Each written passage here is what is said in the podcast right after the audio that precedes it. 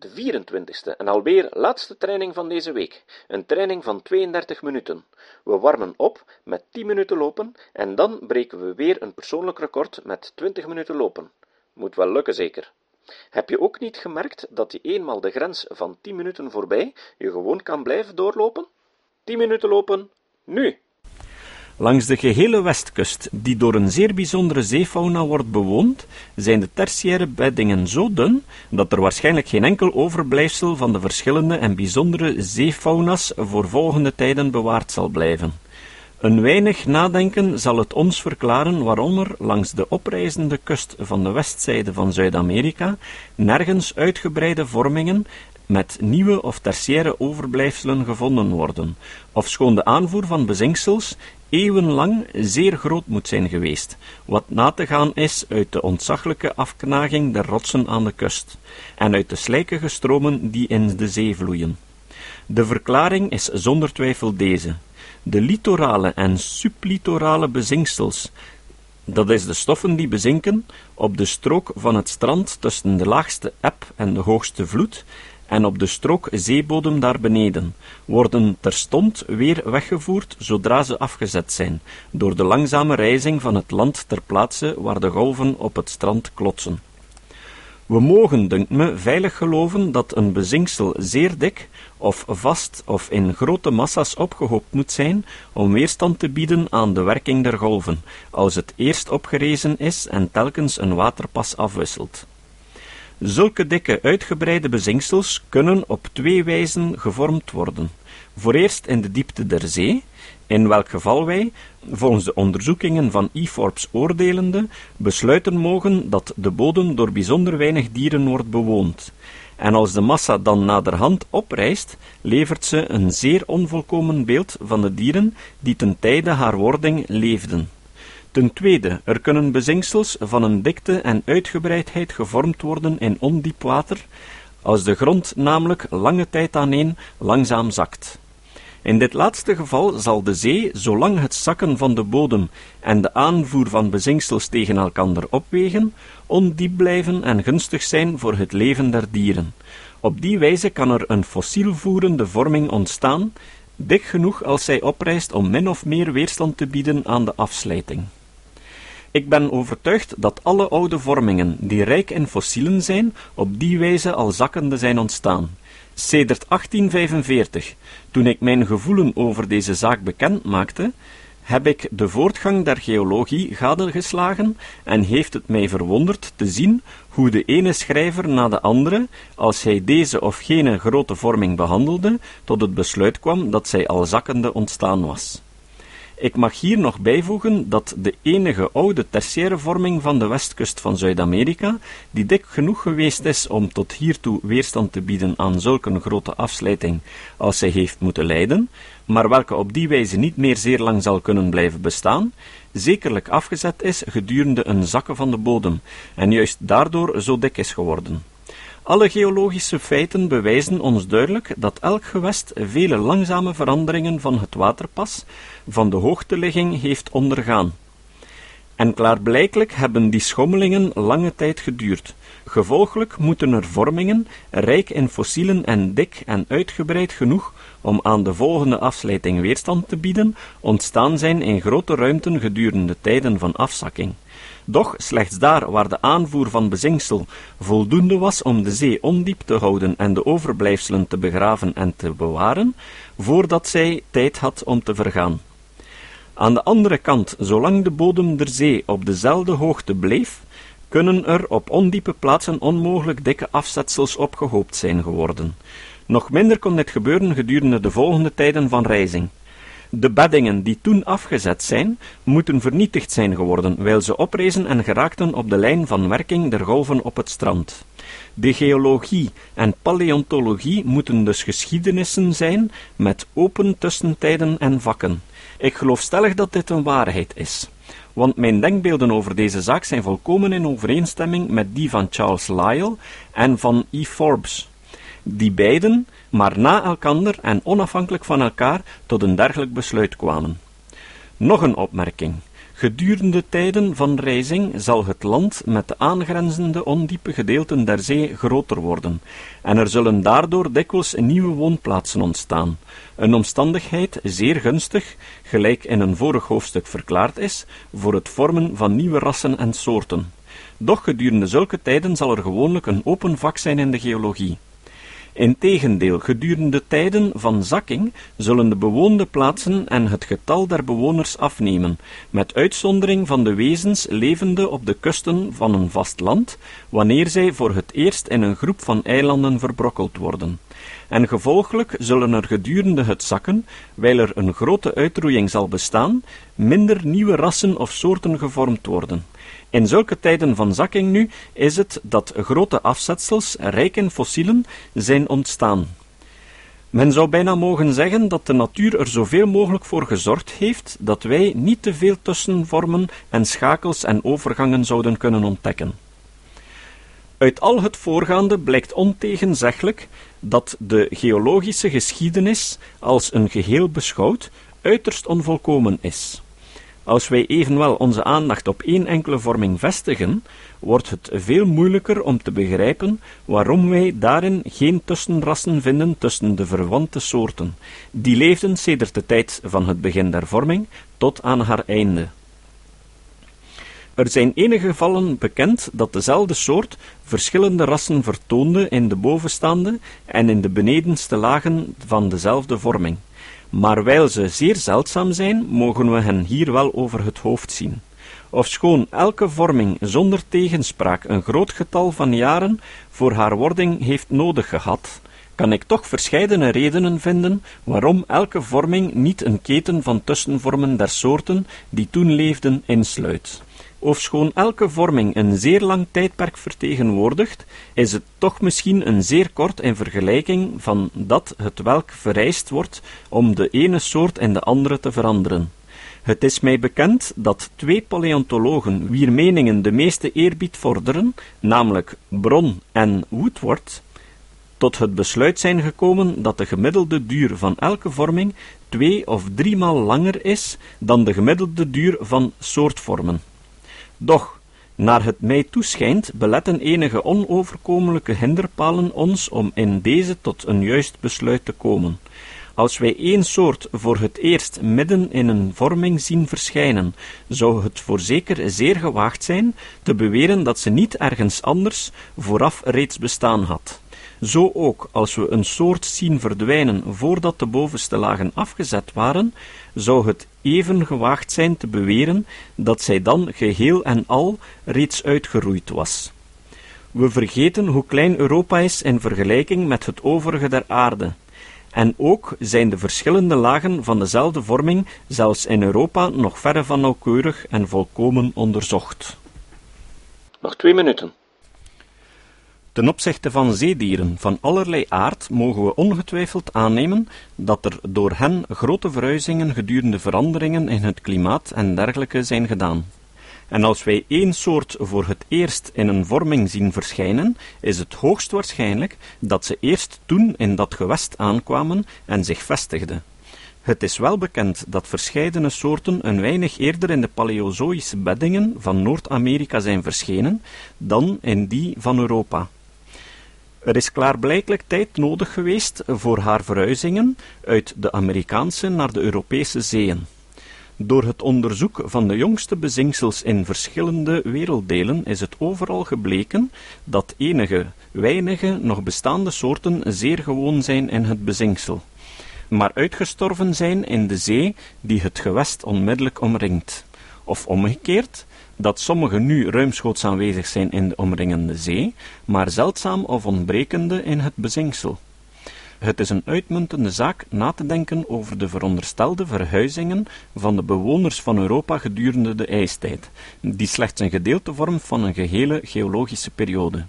Ook is het goed na te denken over de grote veranderingen van het waterpas van de bodem, over de ontzaglijk grote veranderingen in het klimaat, over het onberekenbaar grote verloop van tijd, alle in diezelfde ijstijd besloten.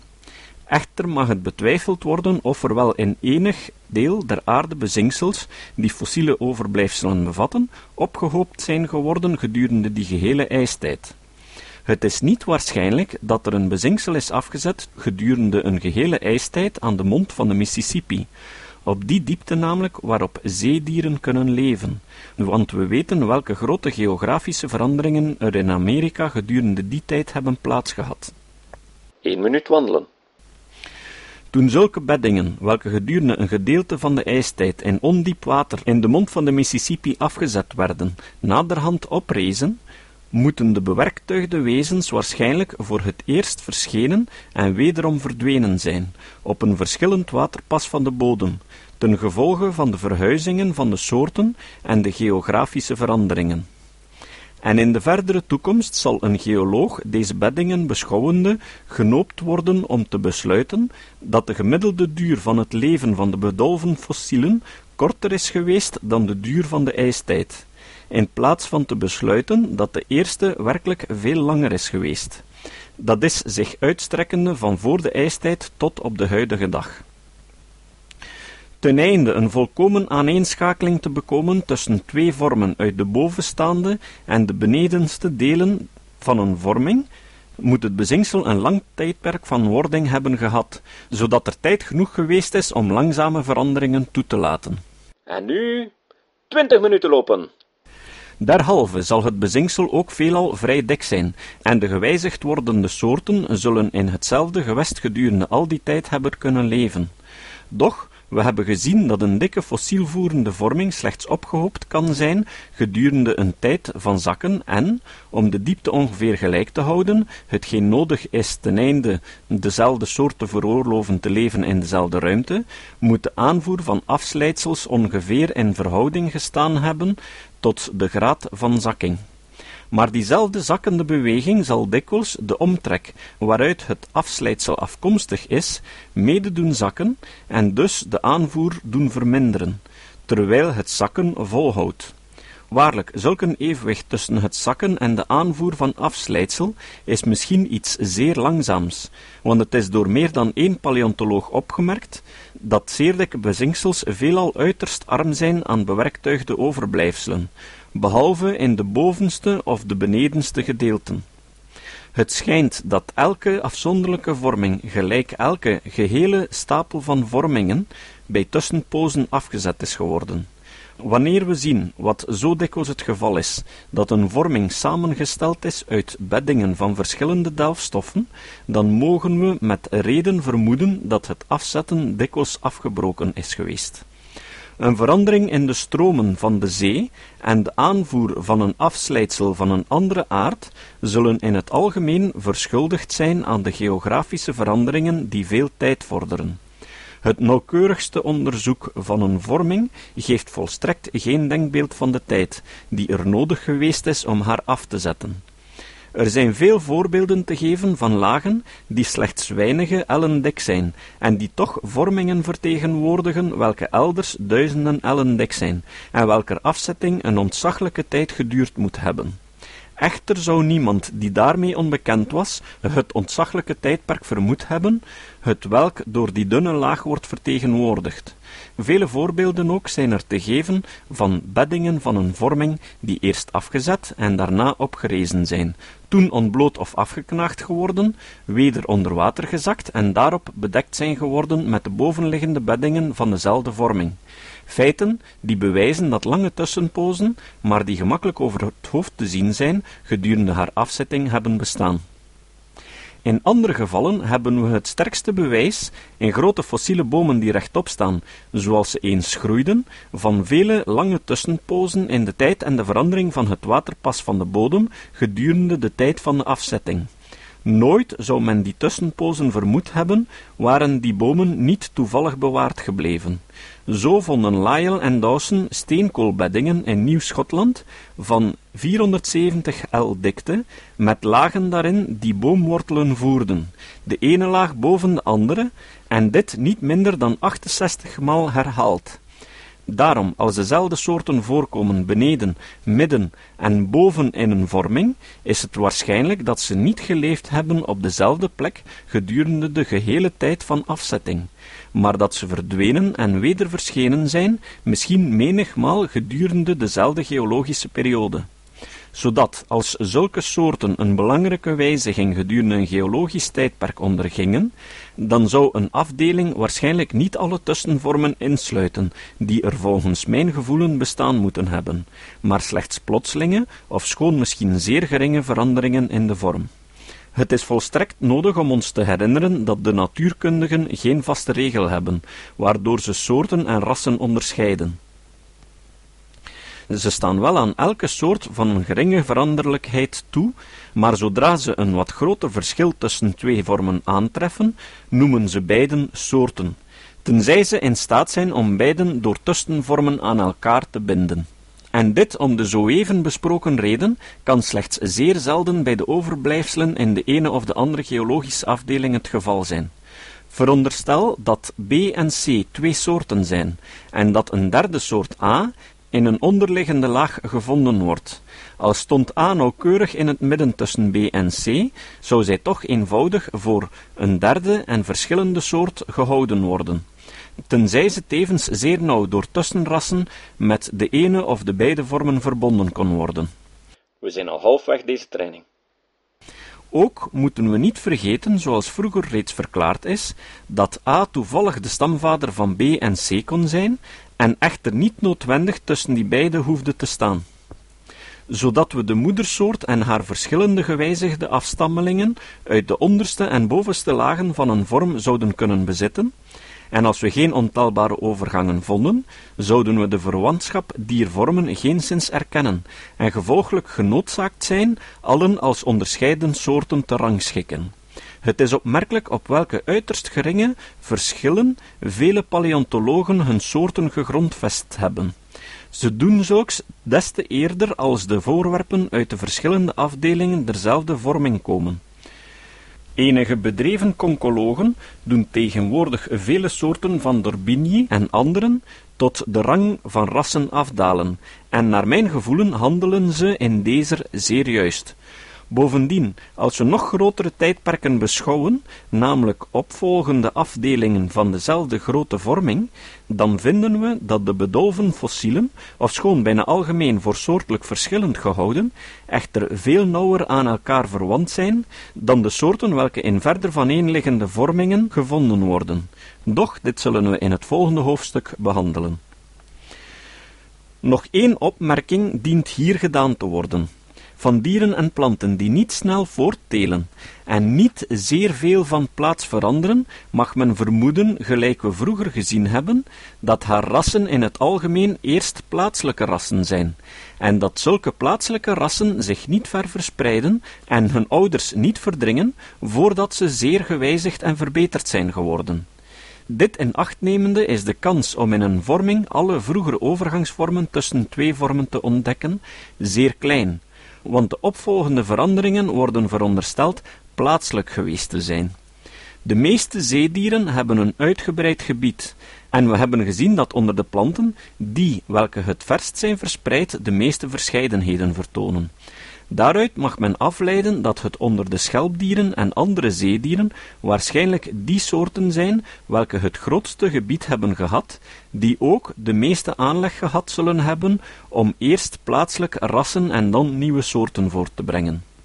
Ook dit zal grotelijks voor ons de kans verminderen om de overgangstrappen in de ene of de andere geologische vorming op te sporen en uit te vinden.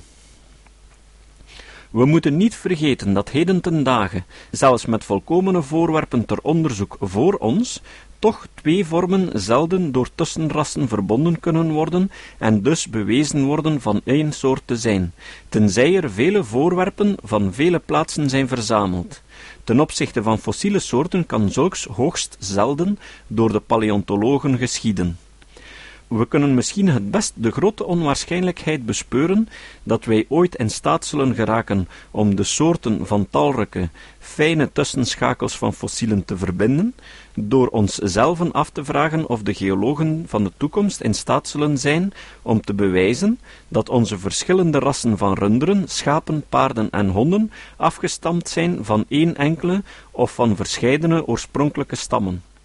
En verder of de geologen van de toekomst in staat zullen zijn om te beslissen of sommige schelpdieren die de kust van Noord-Amerika bewonen en welke door enige Congologen als verschillende soorten van hun Europese vertegenwoordigers, maar door anderen slechts als rassen beschouwd worden, waarlijk rassen zijn, ofwel, zoals het genoemd wordt, soortelijk verschillend. De geoloog der toekomst zou dit slechts kunnen doen indien hij een menigte tussenvormen van overgangen in fossiele toestand ontdekte, en zoiets schijnt mij toe in de hoogste graad onwaarschijnlijk te zijn. Ofschoon geologische nasporingen vele soorten gevoegd hebben bij nog bestaande en uitgestorven soorten, en zij de kloof tussen enige groepen minder wijd gemaakt hebben dan ze anders zouden gebleven zijn, hebben zij echter nauwelijks iets gedaan om het onderscheid tussen de soorten op te heffen, en die te verbinden door vele tussenrassen en overgangen.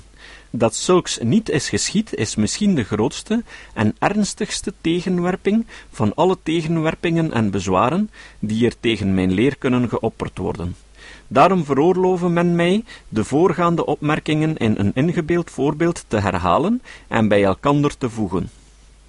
De Maleisische archipel is ongeveer even groot als Europa, van de Noordkaap tot de Middellandse Zee en van Engeland tot Rusland, en bezit alle geologische vormingen die met enige zorg zijn onderzocht geworden, behalve die van de Verenigde Staten van Noord-Amerika.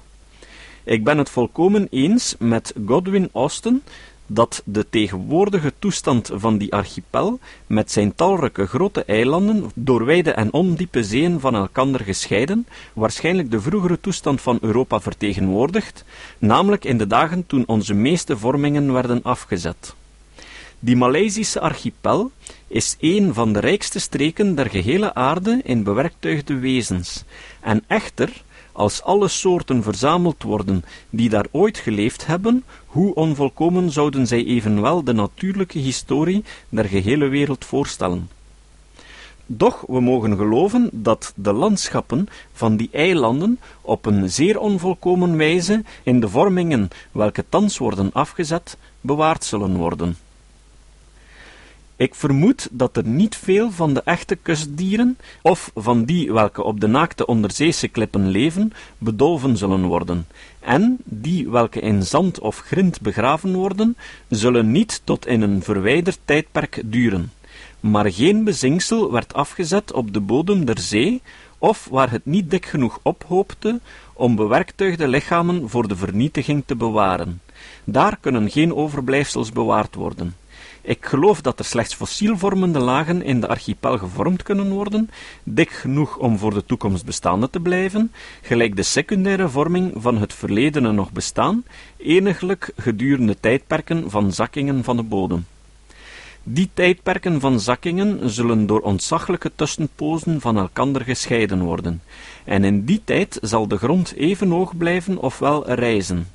Terwijl hij reist, zal elke fossielvoerende vorming even spoedig vernietigd worden als ontstaan is, door de onophoudelijke inwerking der golfslag, gelijk we zulks heden ten dagen zien aan de westkust van Zuid-Amerika. Gedurende de tijdperken van zakking zal er waarschijnlijk veel leven vernietigd worden. Gedurende die van rijzing zal er meer verandering zijn, maar de geologische gedenkstukken zullen dan minder volkomen worden. Het mag betwijfeld worden of de duur van een of ander groot tijdperk, van zakking over de gehele archipel of over gedeelten daarvan, gepaard met een gelijktijdige ophoping van bezinksels, wel de gemiddelde levensduur van dezelfde soortvormen zou te boven gaan. Zulk een samenloop van omstandigheden is onmisbaar voor de bewaring van alle overgangen tussen twee of meer soorten. Als zulke overgangen niet volkomen bewaard worden, krijgen de tussenrassen het voorkomen van zoveel onderscheidene soorten. Ook is het mogelijk dat elk groot tijdperk van zakking gebroken wordt door veranderingen in het waterpas van de bodem, en dat de geringe veranderingen van het klimaat zullen gebeuren gedurende zulke lange tijdperken. In die gevallen moeten de bewoners van de archipel verhuizen en geen onafgebroken reeks van wijzigingen kan in enige vorming bewaard blijven. Zeer veel zeebewoners van de archipel hebben tegenwoordig een gebied van vele duizenden mijlen, groter dan de omtrek van die eilandengroepen. De analogie doet mij geloven dat het voornamelijk die ver uitgespreide soorten zijn, welke de meeste nieuwe rassen zullen opleveren. Die rassen zullen in het eerst gemeenlijk plaatselijk zijn, maar als ze enig bepaald voorrecht bezitten, of als ze verder gewijzigd en verbeterd worden, zullen ze zich langzaam uitbreiden en de oude vormen verdringen. Als zulke rassen naderhand van hun oude woonplaatsen terugkeerden, zullen zij van hun vorige gedaante verschillen, al was het nog zo gering, dan zouden ze toch volgens de grondbeginselen van vele paleontologen als nieuwe en verschillende soorten gerangschikt worden. Derhalve, als er iets waar is in de voorgaande opmerkingen, hebben we geen recht te verwachten dat we in onze geologische vorming een menigte overgangsvormen zullen vinden, die volgens mijn leer zekerlijk alle verledene en tegenwoordige soorten van dezelfde groep verenigen tot een lange en vertakte keten. We behoeven slechts schakels uit te zoeken, sommige dichter bijeen, andere verder van elkander afstaande, en als ze gevonden worden in de verschillende afdelingen derzelfde vorming, zullen ze door de meeste paleontologen terstond als soorten beschouwd worden. Ik geloof niet dat ik ooit vermoed zou hebben welk een armoede van geologische gedenkstukken zelfs de best bewaarde geologische afdeling ons vertoont, indien de tegenwerpingen dat we geen overgangen en schakels in de vorming der aardkorst vinden, niet zo krachtig tegen mijn leer scheen te strijden. Niet vertragen. Over de plotselinge verschijning van gehele groepen van verwante soorten. De plotselinge wijze waarop gehele groepen van wezens soms opeens in zekere vorming verschijnen, is door verschillende paleontologen, door Agassiz, door Pictet en door niemand met meer kracht dan door professor Sedgwick gebezigd als een tegenwerping noodlottig voor het geloof van de veranderlijkheid en het in elkander overgaan der soorten. Als het waar was dat een aantal soorten tot hetzelfde geslacht of dezelfde familie behorende, ineens als het ware een inval in de wereld gedaan hadden, waarlijk dat feit zou noodlottig zijn voor de leer van afkomst van langzame wijzigingen door natuurkeus.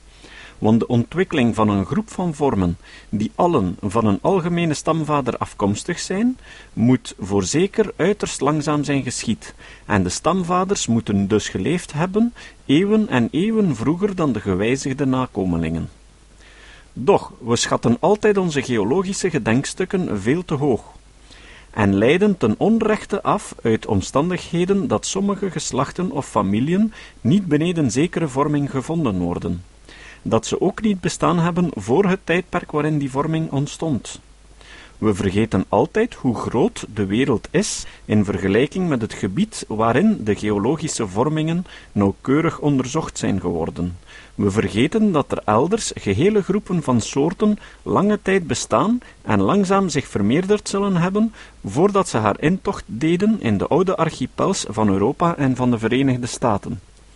We letten niet genoeg op de ontzaglijke tussenpozen welke er waarschijnlijk geweest zijn tussen onze opvolgende vormingen, langer misschien in de meeste gevallen dan de tijd die er vereist werd op de ophoping van elke vorming. Die tussenpozen zullen tijd gegeven hebben voor de vermeerdering der soorten uit één of uit enige stamvormen, en in de opvolgende vorming zal elke soort verschijnen alsof ze plotseling was geschapen. Herinneren wij ons hier een vroeger gemaakte opmerking. Het zal een lange reeks van eeuwen hebben moeten duren om een bewerktuiging voor een nieuwe en bijzondere levenswijze geschikt te maken, bijvoorbeeld voor het vliegen in de lucht.